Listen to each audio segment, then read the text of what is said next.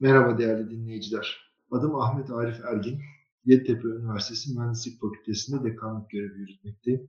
Bugün sizlere ilk podcastimde meslek akıntısına kapılmış insanlar için bazı temel prensipleri anlatmak istiyorum. Bu kaydı yaptıktan bir hafta sonra üniversite yerleştirme sınavları gerçekleşmiş olacak. Şu an pek çok gencin de meslek yolculuğu içerisinde yol ayrımında olduğunu bildiği bir noktada konuşuyorum. Ama söyleyeceklerim tabii ki sadece onlara, sadece bugünlere kısıtlı şeyler değil. Meslek akıntısı içine kapılmış insan kavramını şöyle görüyorum. Eğitim sistemimizde bugün ilkokuldan, ortaokuldan başlayıp devam ederken önümüze bir meslek tercihi yapmamız gerektiği noktada acaba ne olayım, hangi dala gideyim? İşte meşakkati zor ama hayatta e, başarıldığı takdirde refah yüksek olan mesleklerimi gideyim, gerçekten sevdiğim, yapmak istediğim ama belki de halk arasında itibarı olmayan bazı meslekler var. Onlara mı yöneleyim? Yoksa bu tercihimi biraz daha erteleyip biraz daha geliştikten sonra mı, bilinçlendikten sonra mı tercih yapayım diye pek çok soru hepimizin aklına geliyor. Ee, bu da işte akıntı dediğim şey. Sanki bir eğitim akıntısına girmişiz, deresine girmişiz. Bu derenin akıntısı bize bir yerlere götürüyor. Hakimiyetimiz var ama bir şekilde de bu akıntıyla birlikte ilerliyoruz diye bir düşüncem var. Böyle bir görüntü arz eden bir ortamdayız. Fakat bununla birlikte her zaman da şöyle bir prensibim olmuştur. İnsan gitmek istediği ufka gözünü diktikten sonra yolunda çıkmış olan yollar, dereler onu nerelere sürüklerse sürüklesin günün sonunda gözüne dikmiş olduğu ufka bir şekilde ulaşmayı başarıyor. Çünkü hayatta kendi kararlarımızla, kendi etkimizle alabileceğimiz ufak tercihler eninde sonunda birike birike gözümüzü diktiğimiz ufka doğru önümüzde bir yol açıyor. Bu bakımdan hepimizin belki de belirli bir meslek erbabı haline gelmiş olan bizlerin bile gözümüzü ufukta doğru yere dikip dikmediğimiz konusunda bazı endişeler taşıdığımızı düşünüyorum. Böyle bir girizgahtan sonra konuya doğrudan daha derinden girmek istiyorum. Bugün baktığımızda temel olarak hem akademinin, üniversitenin içerisindeki bölümler olarak hem de insanların anlayışları içerisinde ana dallara bölündüğümüzü görüyoruz. Nedir mesela? Dediğim gibi ben mühendislik fakültesi dekanlığı yapıyorum. Mühendislik mesleğini çok severek icra ediyorum. Eğitimini de vermeye çalışıyorum. Dolayısıyla işin bir teknoloji ve mühendislik tarafında mı bulunsam acaba? Yoksa temel bilimler dediğimiz daha fizik, matematik gibi olayın köklerine inen bir tarafında mı bulunsam? İşte doktorluk gibi daha sağlık alanında uzmanlaşmış bir tarafta mı bulunsam? Yoksa sosyal bilimler dediğimiz insan malzemesiyle uğraşan e, gerek dil bilim, gerek hukuk, gerek e, psikoloji, antropoloji gibi dallara ayrılmış bir tarafta mı devam etsem diye kafamızda belirli ana caddeler, ana yollar kazınmış durumda. Halbuki baktığınızda ben bunlardan hangisine gitmeliyim sorusunun cevabı bir insan olarak kendimi nasıl görüyorum sorusuyla da özdeşleşiyor. Bu sorunun içerisinde şöyle bir ayrım yapmak acaba mümkün mü? Ben sadece kıyafetlerine dikkat eden bir insan olayım. Ben güzel konuşup aklımdaki fikirleri iyi anlatan birisi olayım. Ben iyi bir kas yapısıyla kuvvetli ve sağlıklı olmaya özen veren birisi olayım. Dikkat ederseniz bu soruların hepsinin cevabı mümkünse evet. Nasıl yani? Hem iyi konuşalım, hem iyi giyinelim, hem sağlıklı olalım, hem yolumuzdan vazgeçmeyelim. Bütün bunların hepsinin dengeli bir şekilde bir araya gelmesi iyi insan dediğimiz vasıflara sahip olan bir kişi yapacaktır bize. Aynı şekilde meslek seçiminde de düşünürken efendim ben mühendisliği seçtim o yüzden sosyal bilimlerle bir alakam yok. Ben temel bilimciyim. Olayların pratik hayata nasıl dönüştüğü beni ilgilendirmez. Veyahut da ben sadece sağlık bilimleriyle iştigal ediyorum. E, hayatımı bununla geçiriyorum. Dolayısıyla diğer alanlar konusunda benim için kapılar kapandı anlayışının son derece yanlış olduğunu düşünüyorum. Mümkünse cevabımız bunların hepsi olması gerekiyor. Bu anlayışın nereden geldiğini gerek kariyerim boyunca gerekse pek çok yaptığım işler içerisinde yani akademisyenliğin dışında belirli idareci sıfatlarım oldu. E, şirketlerle ilgili vazifelerim oldu ticaretle de uğraştığım zamanlarım oldu ve pek çok insanla tanışma imkanım olunca durup bu olayı düşünecek bir vakti de kendime ayırdım. Ve e, nereden geliyor bu ayrımcılık? Bu yolları kim kazıdı buralara? e, bunlardan geçmek zorunda mıyız sorusunun cevabında şöyle bir kanaate sahip oldum. 19. yüzyılın sonları yani 1800'lerin sonlarında ve 20. yüzyılın başına geldiğimiz zaman görüyoruz ki mühendislik alanı olarak dört tane ana alan ortaya çıkmış durumda. Ee, bunlar tabii ki insanların barınma ihtiyacıyla birlikte başlamış olan inşaat mühendisliği, alet edevatlarla insanın çapını, etkisini genişlettiği makine mühendisliği, doğadaki malzemelere hükmetmekle mükellef olan kimya mühendisliği ve yine işte 19. yüzyılın sonunda neredeyse doğumu teşekkülü gerçekleşmiş olan bir elektrik mühendisliği dediğimiz ana dallar meydana geliyor. Fakat Birinci Dünya Savaşı'na eriştiğimiz yıllarda bunların hepsine birden hatta bu dalların birisinin tamamına birden hakim olmanın zorluğu karşısında insanlık olarak bu ana yolları değişik alt yollara, alt dallara, farklı farklı kompartmanlara bölüp hepsi konusundaki hakimiyetimizi arttırmak yönünde bilimde bir ayrışma dönemi yaşıyoruz. Yani önce sen kimya mühendisi ol, bu kimya mühendisinin içerisinde e, sentetik mi, doğal malzemelerle mi uğraşacaksın, organik mi, inorganik mi olacaksın, organik olacaksan işin elektroliz boyutuna mı gireceksin yoksa proses boyutunda mı olacaksın? Gördüğünüz üzere ana daldan başlayarak bir sürü alt dallara doğru bir özelleşme e, ağacı önümüze çıkmış durumda. Bugünkü eğitim sistemimizde bu ağaçlandırma yapısını kökten kabul eden üniversitelere işte mühendislik, tıp, temel bilimler, sosyal bilimler gibi fakültelere ayıran bir yapının eseri olarak ortaya çıkıyor. Ama bu trend, bu eğilim 20. yüzyılın sonunda, bir, bir asır geçtikten sonra 20. yüzyılın sonlarında ve içinde bulunduğumuz 21. yüzyılın başlarında değişiyor. Değişimin anahtar kelimeleri de disiplinler arası e, veyahut da disiplinler üstü e, çalışmaların ortaya çıkması.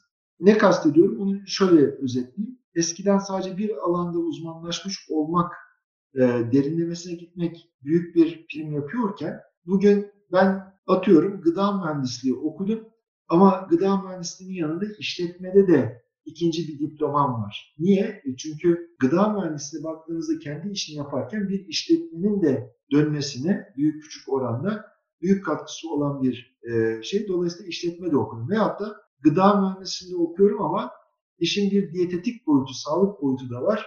Bu taraflar hakkında da bilgi sahibiyim demek daha prim yapmaya başladı. Ve hiç uymayacağınız şeyler bile çıkıyor. Hep verdiğim örnektir. Bir taraftan elektronik bilgisayar mühendisliği okuyorum. Bilişim teknolojileri konusunda bayağı derinleştim. Ama bunun hukuk, bilişim hukuku, kişisel verilerin korunması veyahut da hackerlık konularında da ikinci bir bilgiye, bir diplomaya daha sahibim dediğimiz bir noktaya geldik. Görülüyor ki içinde bulunduğumuz günlerde, içinde bulunduğumuz 10 yıllarda artık bir asır öncesinin ayrışma ve derinleşmesinin karşıtı olan birleşme ve daha fazla alana birden hakim olmaya gayret ettiğimiz bir çağ yaşıyoruz. Bu noktada da oturup düşünmemiz lazım. İlk başta verdiğim örneğe dönersek, giyimimde mi özelleşeyim, lisanımda mı özelleşeyim, fiziki kuvvetimde mi özelleşeyim soruları artık ayrışma noktasından toparlanmış. Ben nasıl olur da bütün bu unsurları bünyemde toplayan bir kişi olurum sorusuna evrilmeye başladığı bir noktadayız. Bu noktada bir misalle anlatmak istediğimi biraz renklendirmek istiyorum. O misalde şöyle. Ben teknolojiyi, teknoloji derken de aklımdan mühendislik geçiyor. Yani gerçek hayat problemlerine gerçekçi ve feasible, uygulanabilir çözümler üretebilmek olarak tanımlıyorum mühendislik mesleğini ve onun ana konusu olan malzemesini de teknoloji olarak adlandırıyorum. Ben yaptığım bu mesleği bir yelkenli geminin yelkenlerine benzetiyorum. Neden? Çünkü yelkenler aslında gemiye ana tahrik veren, onu harekete geçiren, ona e, belirli bir hıza ulaştıran parçalar olarak gündeme geliyor benim. İstiyorsanız buna motor da diyebilirsiniz. Ama biraz daha ne bileyim klasik görünümlü olsun diye ben buna yelkenli gemi misal diyorum. Dolayısıyla yelkenler gemiyi tahrik edip bir yerden öbür tarafa gitmesini sağlayacak olan şeyler teknoloji alanı oluyor. Fakat yelkenleriniz var ve rüzgar yoksa veyahut da motorunuz var ama yakıt yoksa ortaya koyduğunuz teknolojinin size çok daha uzun vadede bir hayrı dokunmuyor. O zaman nedir bu rüzgar, nedir bu yakıt dediğimizde de buna diyorum ki bunun temeli temel bilimlerdedir. Yani iyi bir matematik hakimiyeti, iyi bir fizik hakimiyeti, iyi bir temel kimya, biyoloji hakimiyetleri olması şu gün hemen bu alanlardan bir çözüm çıkacak demek değil ama yelkenleri dikenler, o yelkenlerden bir yere bizi itmesini bekleyenler günü geldiği zaman eğer temel bilimlerdeki anlayışlarını, insan altyapılarını geliştirmedilerse o yelken, o motor belirli miktarda gittikten sonra teklemeye, bizi götürmemeye başlayacaktır diyorum.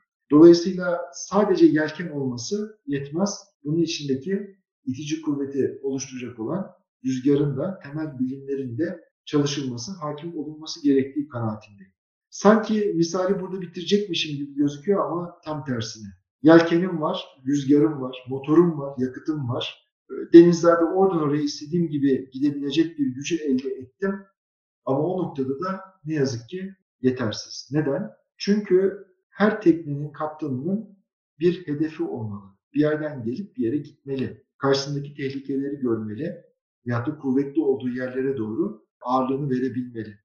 Bu bakımdan baktığım zaman da olayın içerisine insan boyutu, sosyal boyut giriyor. Dolayısıyla bir Türk mühendisi olarak ben neredeyim? Dünyadaki diğer mühendisler nerede? Temel bilimler konusunda birisinin atıyorum Japonya'da 20 sene önce bulduğu bir şeyi ben bugün kullanabilecek yetenekte miyim?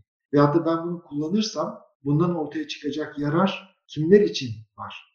Tüm insanlık için yarar elde etmek istiyorum ama şu anda bana karşı iyi davranmak istemeyenlerin de eline bir silah, bir gerekçe tutuşturmak da istemiyorum. Dolayısıyla işin içine baktığınızda sosyal boyutunu düşünmeyen, yaptığı işlerin insanlar ve insanlık üzerine, ülke ve ülkeler üzerine etkisini tartamayanlar da o zaman nereden gelip nereye gittiğini bilmeyen, yelkenleri rüzgar dolmuş olan gemiler gibi o limandan bu limana gidip dururlar ve günün sonunda nereden nereye geldiğim sorusu ancak gerçekleştikten sonra ortaya çıkar. Bu son bahsettiğim unsur günümüzde biraz daha farklı bir terminolojiyle anılmaya başlandı. Buna artık duygusal zeka diyoruz. Duygusal zeka tanımı çok zor. İnternetten bol bol değişik kaynaklardan bakmak mümkün. Ama benim için sosyal konjektürün bilinmesi, nereden geliyorum, nereye gidiyorum konusunun bilinmesi gerçekten bu duygusal zekanın ana unsuru. Yani öyle bir insan düşünebiliyor musunuz ki ben sadece çok komplike matematik problemleri çözerim ama etrafımdaki insanlar umurumda değil. Veyahut da ben bir teknoloji olarak şuradan ucuz enerji elde etmeyi buldum ama bunu her kim olursa olsun hemen e, ayaklarının altına sunarım veyahut da bu benim buluşumdur, kimseyle paylaşmam, benimle birlikte mezara götürürüm desin. Dolayısıyla olayı bir sosyal boyut içerisinde, bir insanlık boyutu içerisinde değerlendirebilmek, o duygusal zekaya sahip olabilmek, bugün ister temel bilimci olun, ister sağlık bilimcisi olun, ister mühendis olun, isterse gerçekten sosyal bilimci olun, hepimizin entegre bir parçası haline gelmiş. Hepimizin bu meslek akıntısı içerisinde dümenimizi kırarken hesaba katmamız gereken bir unsuru oluşmuş durumda. Velhasıl kelam peki bütün bu sözlerin sonucunda ne yatıyor? Yine biz tarihsel olarak veyahut da eğitimsel olarak belirli bir meslek endişesi içerisinde bir akıntının içerisindeyiz. Bir miktar sürükleniyoruz. Bir yandan bir karaya doğru tutunmaya, bir yana doğru kendimizi götürmeye çalışıyoruz. Bütün bu söylediklerimizden ne anlaşılması lazım? Anlatmaya çalıştığım şey şu. Konjektürel olarak evet ben bir mühendisim, başka bir arkadaşım sosyal bilimci, öbür arkadaşım sağlıkçı, başka bir temel bilimci. Ama bu hiçbirimizin üzerinden aslında birbirimizin alanları hakkında da öğrenmek ve gelişmek konusunda bir yükümlülüğü kaldırmıyor. Şu gün ne meslek seçeceğine karar verememiş bir öğrenci olsam çok da merak etmem.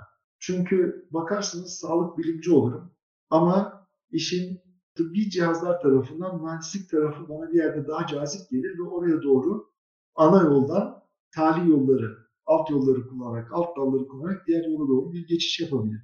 Belki bugün sosyal bilimci olurum ama bunun içerisinde işletmede, iktisatta işin matematik veya da teori boyutu bana fazla gelir ve temel bilimlere doğru sarkabilirim. Ya mühendis olurum ama bir bakarım işin hukuk boyutu insanların bu teknolojiyle ne yaptıkları gerek ceza hukuku olsun gerekse ticari hukuklar olsun, hukuk olsun. Bunların içerisinde bir mühendis olarak kendimi yargılayabilirim. Dolayısıyla aslında baktığınızda bu meslek akıntısı içerisinde kaybolup gitmek değil, bir miktar akıntının ne olduğunu hissedip onunla giderken ufak ayarlamalarla yolumuzu kendimizin çizmesi esas olacaktır diye düşünüyorum.